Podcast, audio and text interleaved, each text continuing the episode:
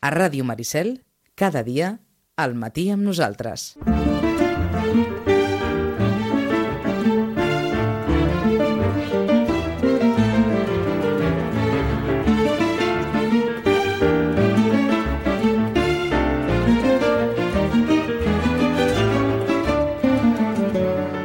Aquest espai que fem en companyia sempre de Llorenç Llibres i de Rosana Lluc. Molt bon dia.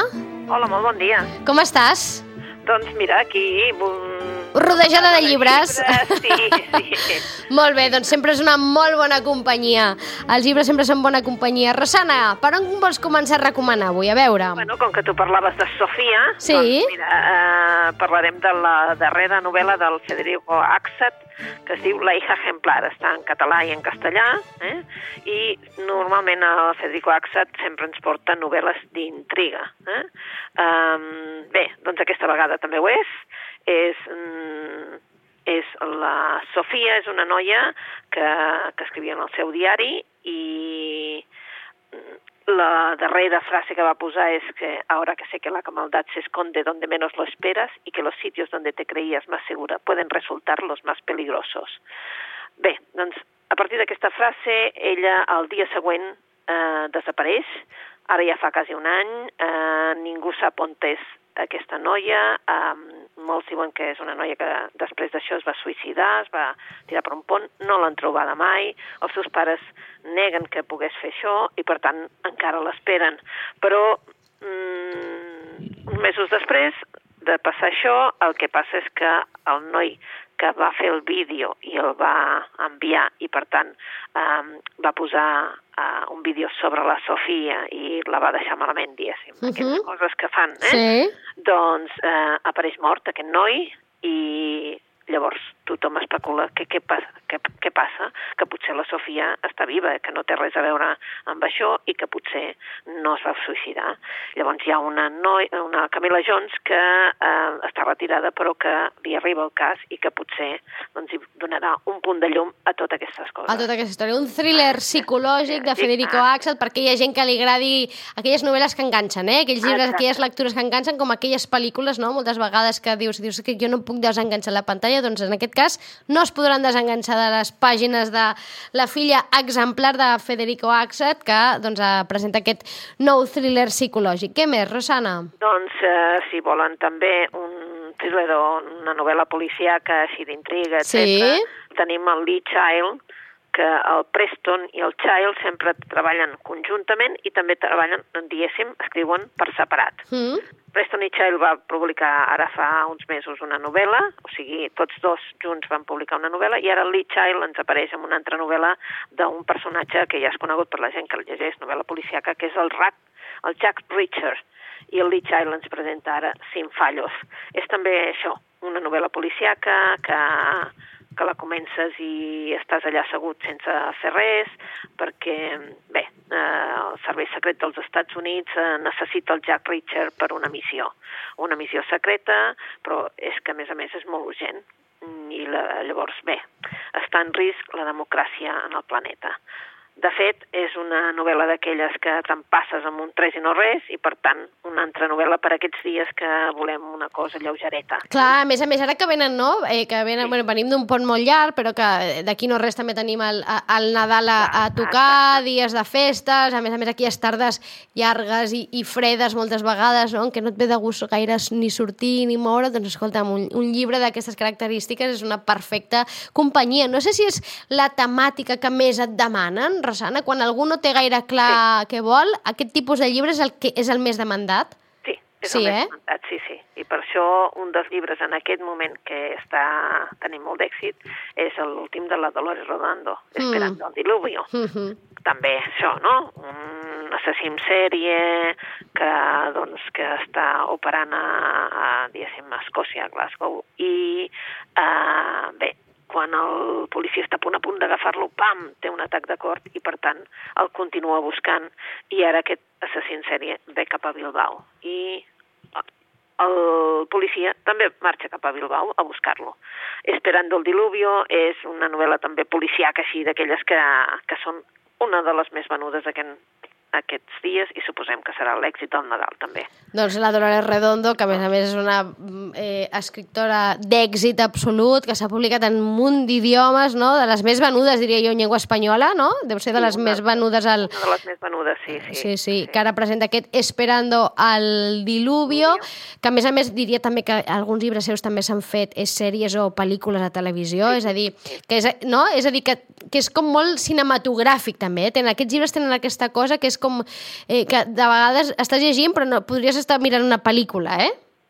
Exacte. Podries estar mirant una pel·lícula i a més a més els veus, no? Els personatges Exacte. com, a, com a que els veus molt. Eh? Els visualitzes molt, no? Que, Sí, que, exacte. que, clar, que, que això de... T'ho posen molt fàcil, no has de fer un gran exercici d'imaginació, no? És a dir, te, te, està tot, tot tan, tan, tan ben explicat, detallat, i entres tant en la història, és moltes vegades a l'èxit de, de la Dolores Redondo, que vaja, és una escriptora que, que entenc que, a més a més, i aquests escriptors també quan s'apropen a aquest tipus de dates ja publiquen ràpid, no? Vull dir que, que tenen un ritme de publicació molt elevat. Sí, bueno, eh, de fet ella ara ja feia potser dos, dos tres anys que, que no publicava. Ah, sí caram, que- doncs em pensava que no no, feia no, tant. No, no, no, ella, el que passa és que sí que quan publica, la veritat és que eh, hi ha molta públic esperant. Eh, Clar. Hi ha molta públic lector esperant el, el, el llibre i, per tant, és el típic regal de Nadal que dius, bueno, sé que li agradarà, no? Sé que li agradarà. Sí, sí, que, que saps que, que, que encertaràs, eh? És a dir, que, que és una, allò, un encert segur, eh? Si no et vols arriscar gaire, Dolores Redondo i, per exemple, aquesta darrera novel·la, Esperando el diluvio. Què més, Rosana? Doncs, bueno, una completament diferent, que no té res a veure, ara ens Mhm. posem diguem-ne, més seriosos en el Sí. sentit de que, de que no té res a veure amb això. És el David Fuenquinos, eh, em sembla que no en vam parlar d'ell. El David Fuenquinos ha publicat un munt de novel·les, eh, vull dir que l'hem traduït un munt de novel·les. Potser la més coneguda és La delicadesa, que tothom va Sí. llegir, o bé La Charlotte, que era una novel·la molt, molt, molt diferent, perquè era una novel·la així en format com si fos, saps, com, a, com si fos poètica, eh? Mhm. i que a més a més va venir l'exposició dels dibuixos de la Charlotte eh, aquí a Barcelona, i per tant, bueno, va ser un nom molt conegut. I ara ens publica un número 2 en català i en castellà. El Fuenquinos ens parla de, eh, del fet de ser el número 2, és a dir, no ser el número 1. Ah, que bo. Eh? Eh? Ja, a mi això ja, només això, aquest, aquesta reflexió ja, ja m'atrau. és una novel·la, doncs això, sobre l'èxit, però també, clar, evidentment, sobre el fracàs. És a dir, el fet de, de, de ser... Eh, mm, aquest, aquest, això de no arribar, no? De, de, Sí, aquest sí. de dir... De no ser el guanyador. No ser el guanyador, eh? I és un noi que, el número dos és, és el personatge que està constantment en- confrontat a allò que hauria pogut viure però que no ha viscut. Per què? Perquè és que ell al 99 començava el càsting de, per, per, per interpretar la pel·lícula de, de Harry Potter. Eh? Ah, que bo. I llavors, bueno, molts actors van fer proves, però van quedar dos finalistes. I aquesta és la història del que no va ser escollit. Imagineu-vos, eh? Uh, bé, eh, eh, eh, ell sempre viurà a l'ombra del triomf de l'altre, eh? I Perquè, sempre més pensant que hagués pogut ser Harry Potter, no? Ah, exacte, eh? I llavors, com, com te sobrepasses? Com, com Sí, fas sí, que, sí, sí. que aquest fracàs, no?, que és terrible ser el segon quan podria ser el primer si no, si no digereixes bé, eh? Sí, bé, sí. Doncs aquesta és la història d'aquest número dos. Eh? Sí, sí, del cop, del cop de l'èxit no aconseguit, no? És a dir, Ah, de, del quan et quedes a les portes, no? I, A les portes, et i, quedes a sí, les sí, portes, del, allò, dius. gairebé ho he tingut a tocar de les mans, però no he estat. I és com una... Que interessant, molt interessant. El número dos de David Fuenquinos, que és un escriptor de molt èxit, també, és a dir, eh, aquest home té, té llibres que, com ara parles de la de- delicadesa, però jo crec que n'he sentit algun altre, també, eh? És a dir, que Sí, és un... sí, a part de la Charlotte, eh, també la Biblioteca dels Llibres Rebutjats, Ah, sí, Cap a la Bellesa... Sí, sí. Eh? Doncs David Fuenquinos, número 2, amb aquesta història del, diguem, del candidat que hagués, estat, hagués pogut ser Harry Potter, però no va ser perquè es va quedar, va ser el segon, va quedar segon i, i, i la història uh, i la reflexió entorn d'aquest èxit no aconseguit, clar, aquí podríem debatre molt no?, sobre què és l'èxit, si l'èxit és això o no, però bueno, imagino que, que la novel·la se'n parlarà. Què més, Rosana? Doncs mira, una autora que a mi m'agrada molt, molt, molt i que s'ha publicat de, darrerament una obra i que, bé, la, clar, és una autora de Budapest. Eh? Uh, parlem de la Magda Esabó, eh? que és una dona que, que diguem-ne, que va publicar fa molts anys, es va publicar una obra aquí en català i en castellà que es deia La Porta. Uh -huh. I una obra fantàstica que segurament tornaran a reeditar perquè, evidentment, d'aquelles coses que ja han perdut. Però ara tenim una de les obres que, que, que es consideren una de les millors obres en, en llengua hongaresa, saps? Sí. Vull dir, que és Abigail. I l'Abigail ens parla d'una noia, una noia a l'any 43, que, que és la Gina, la Gina amb 14 anys, doncs, que és una noia, doncs això, no? És filla d'un d'un general de l'exèrcit hongarès, és una noia doncs, eh, que evidentment sap llengües, eh, és cosmopolita, és refinada, ho té tot, eh? però sense cap explicació eh, el seu pare l'envia a un internat eh, ben lluny de Budapest un lloc sinistre, una fortalesa, eh, saps allò, amb un règim i un reglament molt, molt estricte. Sí. I la Gina és que no pot més, no? Suporta els jocs infantils de les seves companyes, perquè, és clar, ella està molt per sobre de tot això. Um, bueno, i que és una... i tots di- troba absurda la fe que disposi, dipositen tots en l'Abigail. És una estàtua que diuen que té el poder de resoldre els problemes que les noies li confien. Mm. Bé, la Gina al final fuig. Eh? És una... La, la vida de la Gina és... Eh, eh, eh, clar, passaran moltes coses, per què? Perquè ja estem al 43, 44, la guerra, i en, en definitiva aquesta novel·la, l'Abigail, passa, és allò de parlar de la, de la innocència de, de, Sí. del pas de la innocència a la maduresa d'una Mhm. noia, i és clar, estem en plena Segona Guerra Mundial. Eh? Um, el món de les aparences, el món de l'amistat, dels actes d'amor que no ho semblen, del coratge, és a dir, que toca tot una sèrie de, de temes, però que és una novel·la preciosa. Doncs Abigail de Magda Zabó, en, ambientat en aquesta Segona Guerra Mundial, no? en, en aquella Hongria eh, pendent de la invasió de la invasió nazi, no? Eh, i amb aquesta protagonista, la Gina, amb una vida complexa, eh, una, lector, una escriptora que ens recomana Rosana Lluc perquè a ella li agrada molt i la Rosana acostuma a ser una molt bona recomanadora de llibres, així que prenguin nota, Abigail de Magda Zabó. Què més, Rosana? Tenim temps per més? Bueno, doncs si tenim temps per més, potser que ens dediquem també als petitons. Vinga, eh? va, sí, perquè a més ara és, eh? és època en què molts pensem, no? I exacte. sabem que volen que caiguin Exacte. llibres a banda de joguines.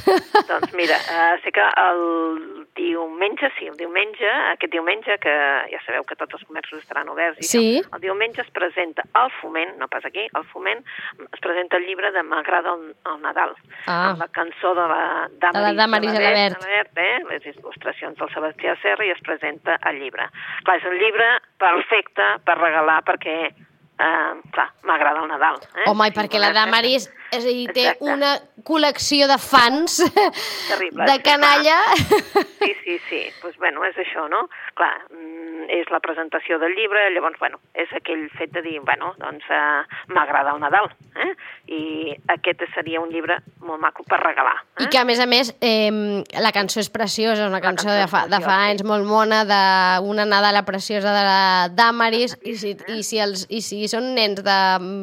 Eh, ah, no sé dir quines edats dir, de més o menys fins als 5-6 anys, Exacte. eh, els agradarà segur, perquè segur que escolten les cançons de la Damaris, perquè normalment es lleven i se'n van a dormir amb aquestes cançons, eh? perquè com que em fa per totes les hores del dia i tots els moments del dia, cada moment del dia té una cançó de la Damaris gairebé, eh? Sí, exacte. Eh? pues és això. doncs eh? també el Nadal, m'agrada el Nadal, la proposta literària per, o aquest conte, no entenc, per, pels més petits a la Damaris. Què més? Alguna proposta infantil més? Mm, Sí, doncs mira, n'hi ha un que és molt diferent de tot això. Sí? És un, un, un llibre que és un, allò, pregunta-ho al pare i altres frases misterioses dels adults. Sabeu aquelles preguntes que fan els nens i llavors eh, tu dius, pregunta-ho al pare, per exemple, què vol dir homosexual? I eh, la mare diu, pregunta-ho al pare. Sí. I llavors, clar, eh, Allò per evadir la resposta, no? Ah, Dius, exacte, eh? Pregunta al pare, no? Exacte. Uh, com s'ho fan els nadons per sortir de la panxa de la mare? I el pare diu, pregunta-ho a la mare. Eh? La resposta, diu, és aquesta, la resposta és no. Sempre els adults fan servir aquesta frase quan no saben com respondre a les respostes que els hi fas. No? I és que és tal qual. Ah, exacte, eh? Per què no puc menjar més gelat? Eh? I dius, per què no? Eh? I per què no? És aquesta misteriosa resposta que pot donar un adult, no? En general, per què introdueix una oració? Però en aquest cas, diu, es converteix gairebé en una resposta completa, el sí. significat sí. de la qual no acaba de quedar molt clar. Per què no? Ja està. No, no, és com allò de per què no podem tenir un gos? Mm, Ah, exacte. Per No? què no? Eh? Llavors, aquest per què no, que sapigueu que els, el, eh? són aquestes preguntes i frases que fan que sempre eh, fan els nens, però que els pares, en definitiva, mm, no tenen ganes de contestar i contesten això. Però és I un llibre és pels nens, eh? És a dir, és d'alguna manera Nens, és pels nens, eh? és una perquè- guia pels nens perquè entenguin aquesta resposta dels Ah, pares, exacte, no? És una petita guia pels nens per dir, bueno, doncs nois, quan tingueu aquesta resposta ja sabeu que no hi haurà una altra, o sigui, no cal que feu res més que no, eh? que no vindrà cap, eh? I llavors, clar, és divertit, és un llibre divertit, amb unes il·lustracions divertides, però un llibre completament diferent, no? Uh, el, el de M'agrada el Nadal, per exemple, no? Mhm. Sí, sí, Ah, res a veure, no? Entenc? Res a És, veure, eh? Després, eh, com que de llibres n'hi ha molts, ara han sortit també uns llibres pels més petitons, eh? Sí? Saps allò que tenen les finestretes i tal? Sí. N'hi ha un de, de la jungla i tal, que el que fas és treure la cua cap amunt i llavors fan el soroll del, Mm. de l'animal, eh? Porten cues, eh? El llibre porta unes cues, en comptes de portar llengüetes i tal, porta unes cues i les tires cap amunt i fa soroll. D'acord. Aquests serien els llibres que estan triomfant també en aquest moment perquè als pares els hi fa molta gràcia i, evidentment, són... Que és aquella, aquella cosa barreja no, entre llibre i joc, no? És a dir, Exacte, sí. aquell llibre entès, no? petitons, saps? Mhm. Els petitons, per dir, bueno, els tenim entretingut, eh, ja, ja sabeu que ho sentireu 50 vegades el mateix so perquè ells agafen, treuen, posen, posen, treuen una altra vegada, però és la manera també de que tinguin motricitat, no? De, que, Sí, de sí, sí. de motricitat. Sí, sí. I, I no sé, Rosana, fins a quin punt és important que des de ben petits ja comencin a, a tocar llibres, no? Encara que, òbviament, no llegeixin i sigui, doncs, això, estirar una cua amunt o, o, o descobrir, no sé, un color o un... Però no sé fins a quin punt és important, no? Que des de ben petits ja tinguin contacte físic amb els llibres. Eh, Sí, la veritat és que, bueno, tota la canalla que ha tingut contacte des de ben petitons amb el tema dels llibres de roba, llibres pel bany, saps aquells Sí, plastificats, sí, sí. Després necessiten els llibres de cartró i després ells veuen que necessiten més i més i s'entretenen molt. Vull dir, i és curiós que també hi ha una col·lecció en el que hi ha música i música clàssica música clàssica, Beethoven, Mozart, Sí. Vivaldi, etc. I els hauries de veure Que els encanta. queden, es queden així, aturats, escoltant-ho, i diuen, els pares diuen, és impossible, diu, però sí, es queden aturats i els hi encanta, els hi encanta la música clàssica i tu diries, no pot ser, no pot ser. Bueno, evidentment són peces molt escollides, Sí, eh? sí, sí. Peces molt, molt, que tenen molt de ritme i per tant amb ells els hi agrada moltíssim. Sí, i aquesta capacitat d'atrapar, no? Que, eh, que en els nens que són com esponges, no? Que, doncs, eh, entren allà, després ja es fan grans i els agrada el reggaeton. Això ja... No, I d'això ja no deu haver gaires llibres, però, eh, però en qualsevol cas eh, entenc que un llibre, i jo no sé, Rosana, si tu veus, no? si un llibre, eh, encara que sigui un llibre de joc, eh, per aquests nens tan Sí. petits, sempre és una molt bona opció i fins i tot millor opció eh, cada vegada segons quines joguines, no? És a dir, ara que també mm, eh, quan Sí. arriben aquestes festes parlem tant de la quantitat mm, de regals que, que entren als nens, doncs que important també que d'aquesta gran quantitat que de vegades es fa com... és molt difícil de reduir, no? Perquè hi ha com molta família i tothom vol regalar, mm, no sé fins a quin punt és important que molts d'aquests siguin llibres, no? És a dir, que, bueno, que siguin molts però que una, un percentatge gran siguin llibres. Sí, la veritat és que sí, que eh, jo crec que ara els pares, els avis, etc estan reaccionant i diuen, no, que jo el que vull és que jugui també, que, que tingui llibres, perquè és la manera també de que d'adquirir una sèrie d'hàbits i també estan molt tranquils, estan reposats, saps? Vull dir que... Rosana, que tens clients nens, és a dir, fidels, és a dir, o, o nens, vull dir, canalla, eh? Que igual em dius nens de 10 anys. Que, que ho No, no. veus? Sí, sí, fidels perquè ja saben on te van i a més a més els pares diuen ja sap on te va i baixen per la rampa allò pim, pim, pim, pim, pim, pim, pim, que els seus ben petitons i saben on te van, és curiós, eh? Sí, sí. saben on te van, o sigui, ells ja van cap a, saps, allò saben que a la part del davant de la llibreria no és, que és la part de darrere, i per tant ells baixen per la rampa, pim, pim, pim, pim, pim, els deixen sols, i ells van cap a la seva estanteria i saben on estan els llibres, i bueno, clar, és una explosió de colors per ells, és difícil perquè, clar, ho tocarien tot, ho, t'ho manegarien tot, t'ho traurien tot del lloc, però sí que és bonic veure'ls que tan petits i els atrapen els llibres. Eh? Doncs escoltem, regalar llibres, ja veuen que hi ha de totes les eh, diguem, opcions, des de pels més petitets que tenen doncs, aquestes opcions de joc, fins a mida que van creixent doncs, ja van entrant diguem, en la lectura, doncs a poc a poc eh, entenc que se'ls acompanya, perquè entenc que hi ha llibres per totes les edats, eh, Rosana? I si el nen és més gran, si el nen és més gran, Sí. ja cap a 8 o així, hi ha una enciclopèdia de bruixes i bruixots, Sí? que és una meravella. Eh? Van començar amb l'enciclopèdia dels llops ferotges, que era preciosa, i ara tenim una enciclopèdia de bruixes i bruixots. Llavors, clar, tenim les, eh, un, un, que és com un diccionari de, de, les, de les bruixes, no?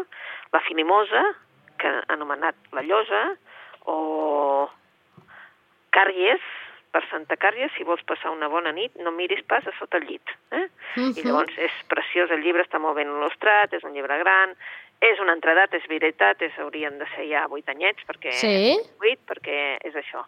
I el llibre és molt gran Per... i Sí, sí, perquè aquí hi ha algú deliciós. de lectura per aquells nens que comencen ja a llegir, no? i a, fer, a tenir ja certa comprensió lectora.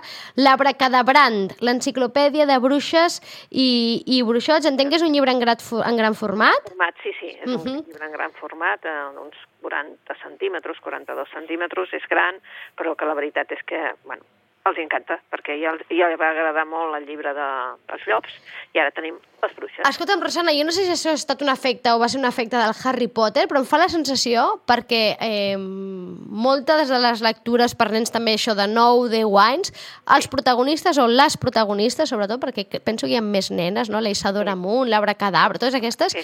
són tot nenes i totes són com... Eh, hi ha molta relació amb el món de la màgia, eh? Sí, molt, molt, molt, molt, a més a més, eh? Vull dir, totes Però que això és una cosa més d'ara, no? És a dir, Sí. antigament era més l'aventura, no? Em feia, o em fa a mi la sensació, no? La meva època era jo del el, los 5, los 7, Sí. no? I No, ara és ara com tot la màgia. La màgia és un dels components de, de, dels llibres així, de lo que tu dius, des dels 7-8 anys fins endavant, i després també un altre tipus de fantasia, hm? màgia, fantasia, pels eh, joves adults, és a dir, 14, 15, 16... Sí. També hi ha un món de màgia, de fantasia, de, de, de mags, de... de mm, d'esperits, mm, vull dir, terrible, vull dir que és, és, és increïble aquest món. Eh? No, no, que és una temàtica que queda clar que funciona, que des de fa uns anys... I tu creus que això té alguna cosa a veure amb Harry Potter o no? O és anterior? Podria ser, podria ser. El que passa és que, bueno, és que Harry Potter ja fa molts anys. Sí, també, no, que no, per això t'ho dic, vull dir que fa molts anys, però és que la- no, no, la jo sensació- Diria, jo diria que segurament té, té, re, té, té a veure, no? També Sí. la veritat és que, doncs, bueno, eh, si recordes, fa molts, molts anys, molts anys també va començar el tema dels vampirs amb Sí. la Stephanie Meyer. Sí, sí, que va sí. ser Un, Sí, bueno, una sí. revolució allò.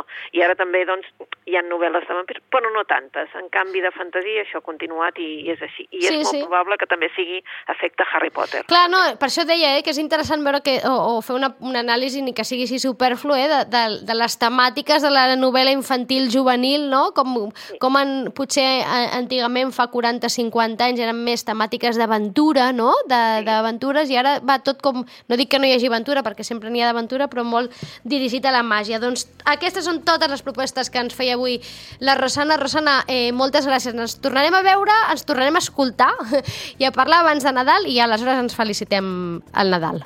Molt bé, perfecte. Gràcies, fins aleshores. Fins aleshores. Adeu. I nosaltres ho deixem aquí. Tornem demà a les 9. Fins aleshores, que acabin de passar molt bon dia. Adeu, gràcies.